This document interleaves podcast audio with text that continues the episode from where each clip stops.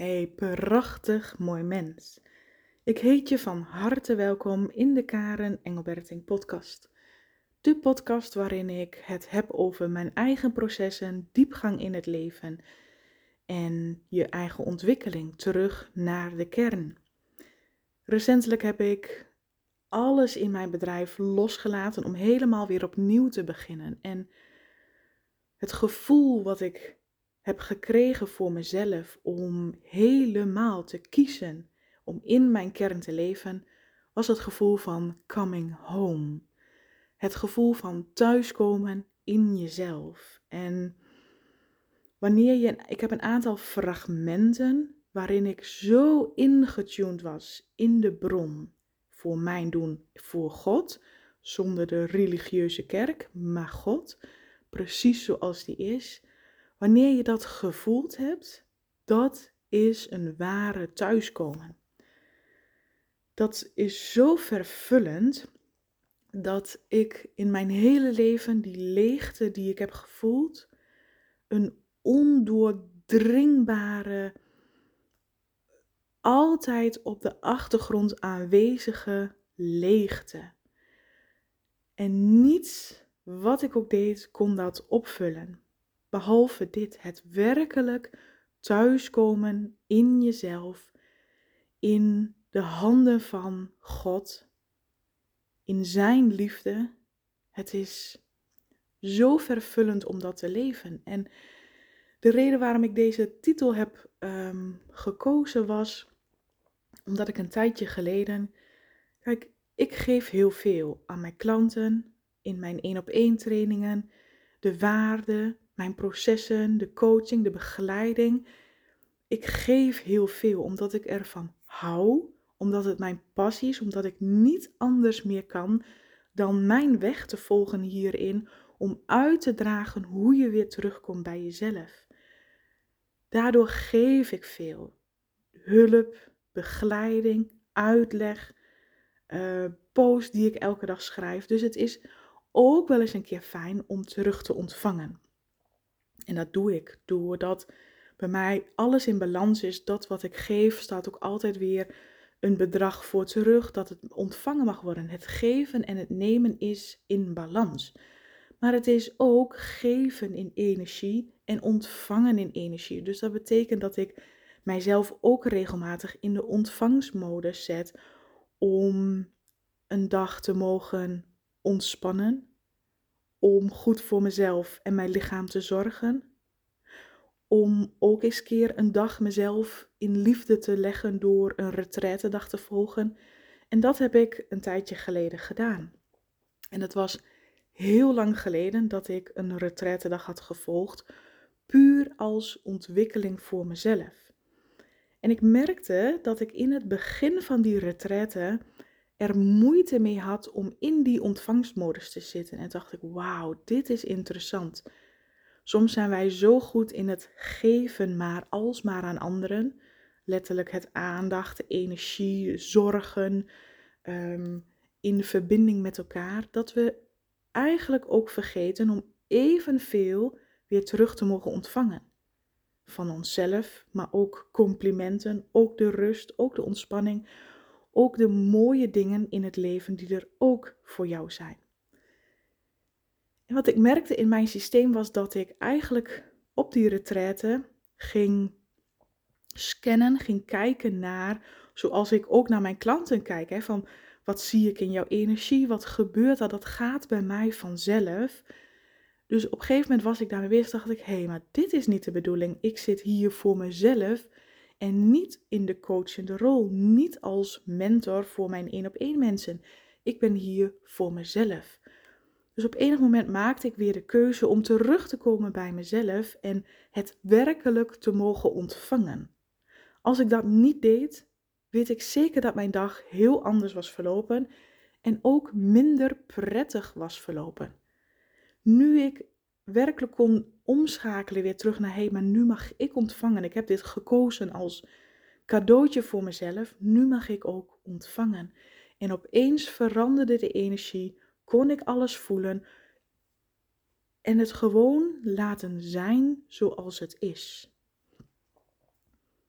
En het was echt een fantastische dag om dat jezelf te gunnen. Echt waar. Ik, ehm, ik geef momenteel vrouwencirkels en chocobliss ceremonies. Maar mijn volgende stap is ook om dagen te gaan geven. Dit is zo belangrijk. Zo helend voor je systeem, voor je mind, voor je lichaam. Om terug te komen in die verbinding. En weet je, het kan ook niet in één keer. Ik krijg wel eens reacties of mailtjes van mensen die zeggen: Hoe kom ik van mijn angst af? En dan liefst willen ze dat ik een toverstafje heb en hun help van hun angsten afkomen in één sessie.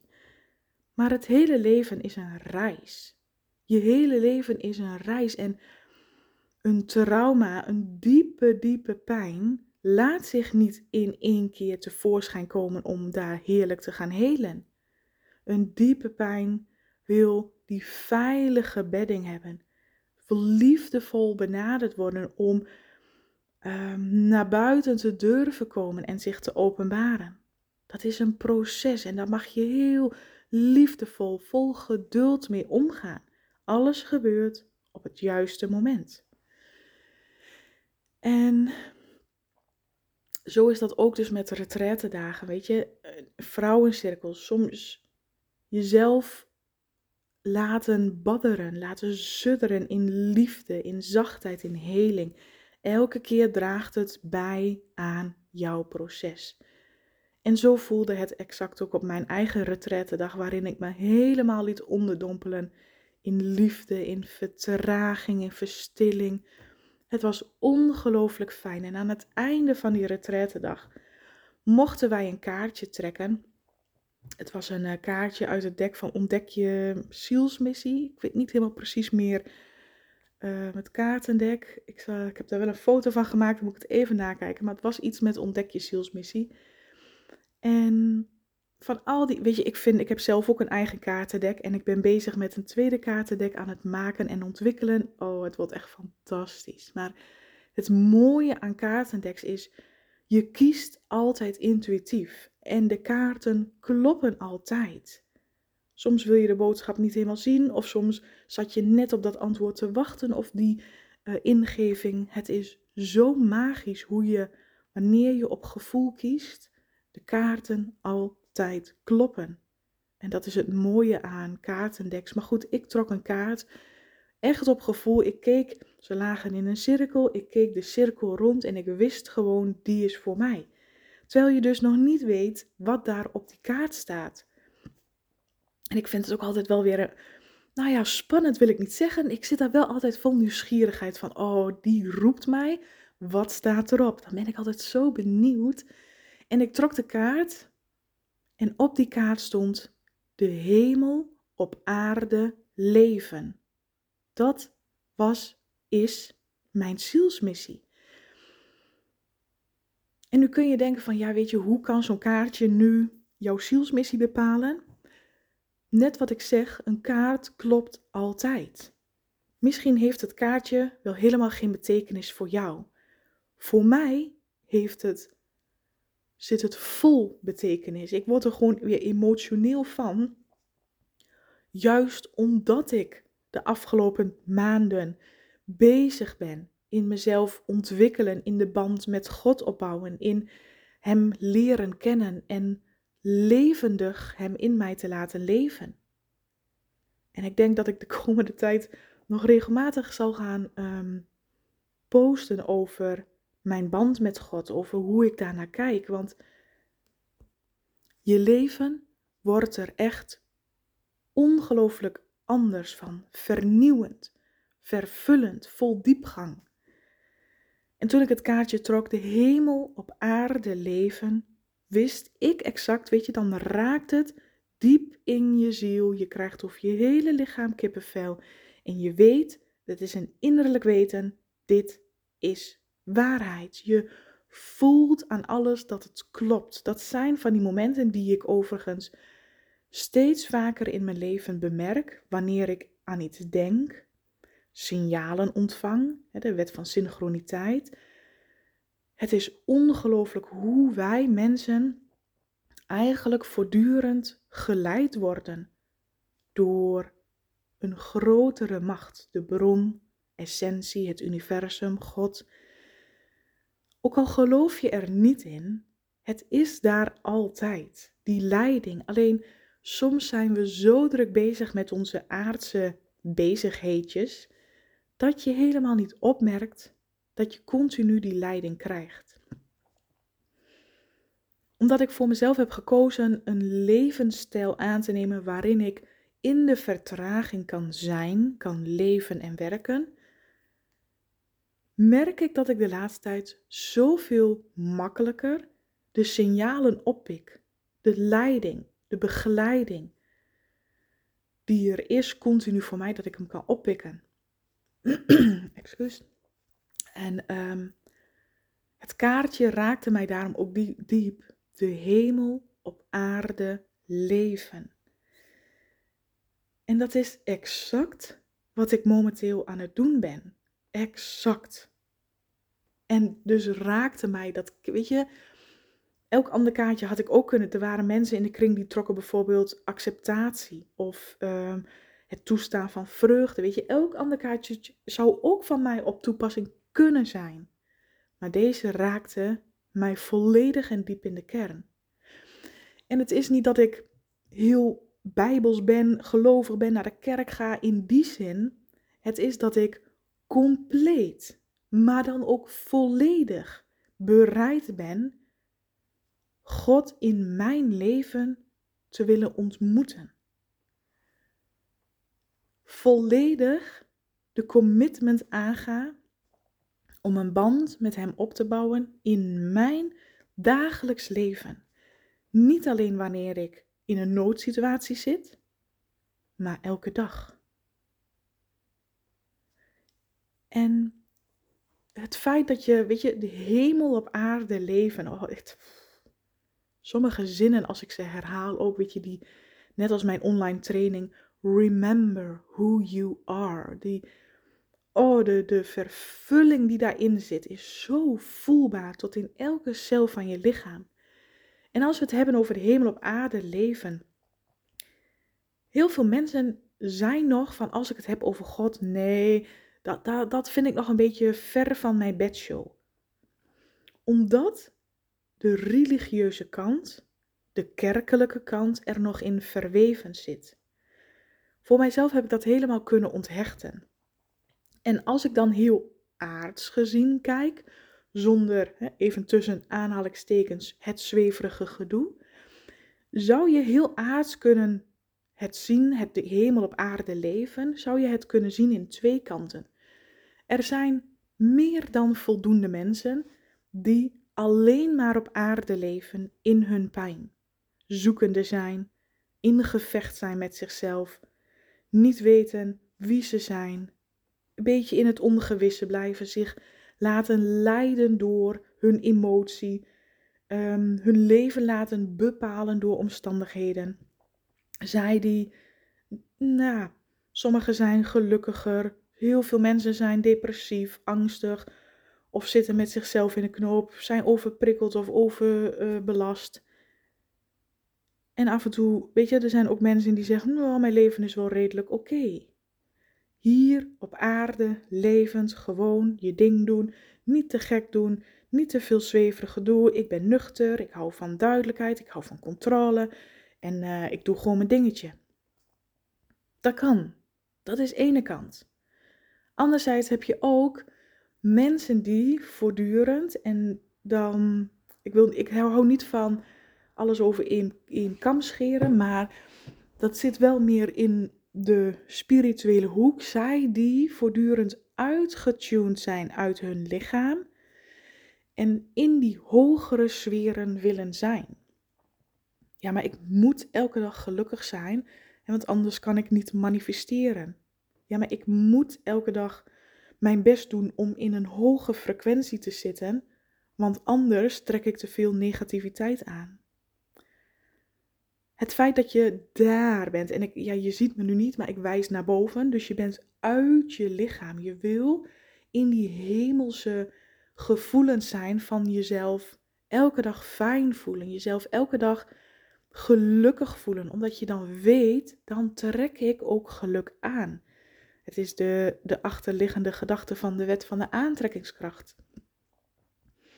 Ik heb hem ook jarenlang geprobeerd toe te passen. En wat het mij opleverde was vooral heel veel teleurstelling. Het feit dat als er dan negativiteit was, dat ik vond dat ik niet goed genoeg mijn best had gedaan om in die hogere sferen, dat ik innerlijk werk had laten liggen, dat er iets in mij nog onderzocht moest worden, omdat ik blijkbaar nog ergens een negatieve gedachte had. Dus het gaf voor mij continu een bevestiging dat ik niet oké was. En dus wat ik achteraf kijk, nu ik um, ontwikkeld ben in het thema trauma, wat doet trauma met je lichaam? Hoe reageren wij erop? Kan ik zien dat het heel veel met disassociatie staat. Jezelf dissociëren van wie jij bent. Een deel van je wegschuiven, een deel van de pijn niet willen voelen, niet kunnen voelen, niet aanwezig kunnen zijn in jezelf, maar daar willen zijn, ergens anders willen zijn. Dus in feite accepteer je jezelf, je leven of delen van jezelf, accepteer je dan niet. Dus als ik terugkijk en ik hou het even dan bij mijn eigen voorbeeld, maar ik zie dit net zo goed bij heel wat aantal mensen van mijn één op één klanten, dat je niet bij jezelf kunt blijven in de kern, in verbinding met jezelf kunt zijn op het moment dat het moeilijk wordt. En dan willen we graag daar zijn. We houden het plaatje voor ons. Daar wil ik naartoe, daar ga ik naartoe. Dit uh, moet ik heel erg vaak visualiseren, mediteren om hè, in die um, hoge vibe te blijven van energie. Welke kant, dit is het meest voorkomende wat mensen leven op aarde. Dus of volledig op aarde in hun pijn. En daar rondjes aan het soep. Ik heb het eerder wel eens uitgelegd aan een, een soep. Hè. Je, bent, je hebt een soep en je blijft maar in die soep roeren. Steeds dezelfde soep met dezelfde ingrediënten in jouw leven. Of het wordt een soort afleiding, bypass wordt het ook wel genoemd van... Oké, ik kijk niet meer naar de negativiteit. Dat, uh, hè, dat is... Um, daar moet ik zo min mogelijk aandacht aan besteden. Ik wil zoveel mogelijk in de hogere sferen zijn. Ik was niet veel anders of beter hoor, dus dat heb ik jaren zelf ook gedaan. Maar ergens, het is niet fout. Want het brengt je wel weer verder in je ontwikkelingspad. Ik wil dat wel heel sterk benadrukken. Daar waar ik anderen zie, bijvoorbeeld wanneer ze gegroeid zijn. Ja, maar dat is fout. Die weg die ik heb afgelegd en de weg die jij aan het afleggen bent, ze dragen wel bij aan jouw ontwikkeling. Tuurlijk, op het moment dat je verder bent en achterom kijkt, kun je denken: ach, het was niet nodig geweest om continu mensen over mijn grens heen te laten gaan. Of ach, het was niet nodig geweest om steeds in diezelfde valkuil te stappen. Maar op een of andere manier kon je die groei daarin nog niet pakken. En had je het nodig om helemaal klaar te zijn met een bepaald iets om vervolgens nieuw te kiezen. Is het dan nodig? Niet per se. Vanaf het moment dat ik goede coaching in de armen nam voor mijzelf, zag ik een mega groei. Dus hoe meer je in jezelf investeert, in goede coaching, in mensen die verder zijn dan jijzelf, mensen waarbij je resoneert, waarvan je zeker weet, wauw, daar moet ik zijn, dat versterkt en versnelt absoluut je groei. Ik kan dat ook zien bij mezelf en de mensen aan wie ik geïnvesteerd heb. Dat is momenteel zijn dat hele andere mensen en bedragen dan dat ik jaren geleden een gratis trainingje hier, een gratis masterclass daar, een klein mini trainingje zus. Dat zijn hele andere dingen wat ik toen deed. Maar zijn die dingen dan slecht? Nee, want ze hebben wel bijgedragen aan mijn ontwikkeling. Durfde ik toen, hè, jaren geleden, durfde ik niet die grote sprong te wagen om een flink bedrag in mezelf te investeren. Dat durfde ik gewoon niet. Nu achteraf kan ik zien, oh wacht, dat waren exact ook mijn levenslessen.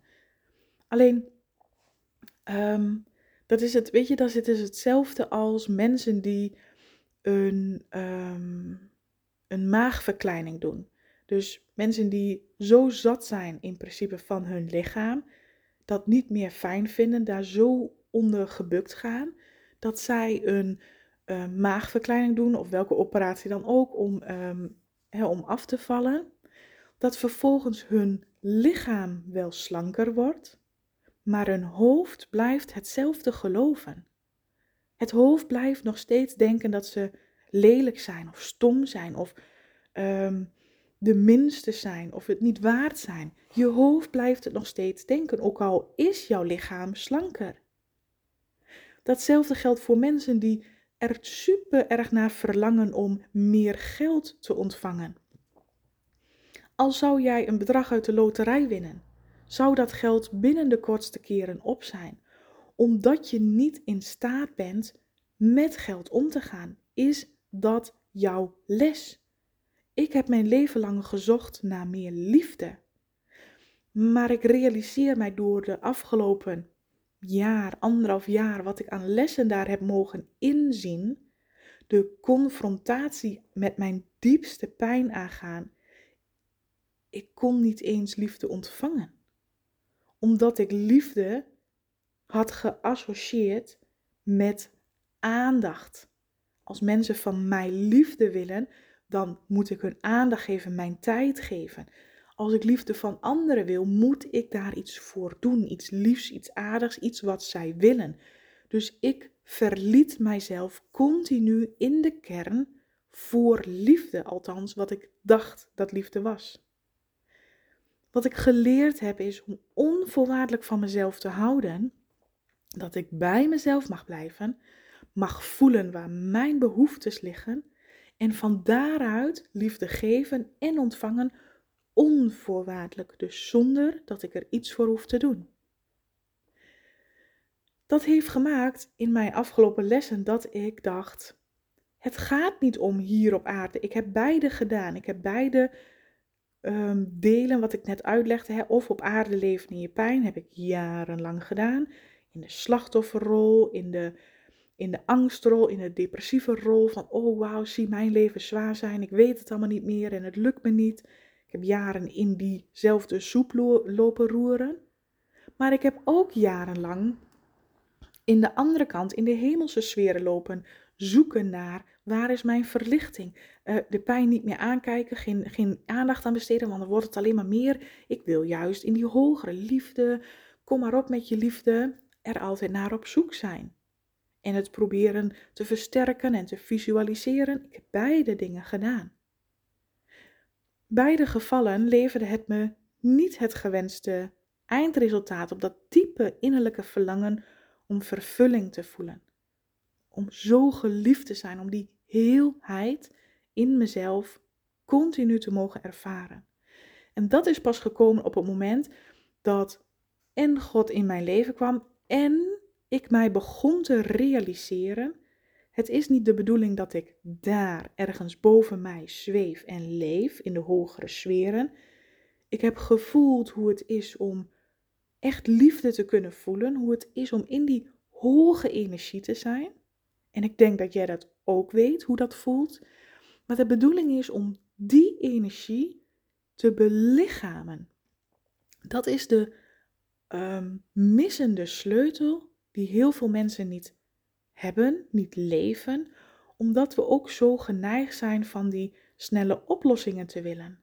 van ik voel me nu onrustig, ik ga even mediteren om van die onrust af te komen. Het belichamen van een hogere energie is werkelijk ehm, in staat kunnen zijn bij jezelf te blijven, ook op de momenten wanneer het moeilijk is, pijnlijk is of lastig is. Dus het gaat om hier op aarde, in het hier en nu, in jouw dagelijks leven, hoe jouw situatie er nu op dit moment uitziet, er mee aanwezig kunnen zijn. Aanwezig kunnen zijn met dat wat er is.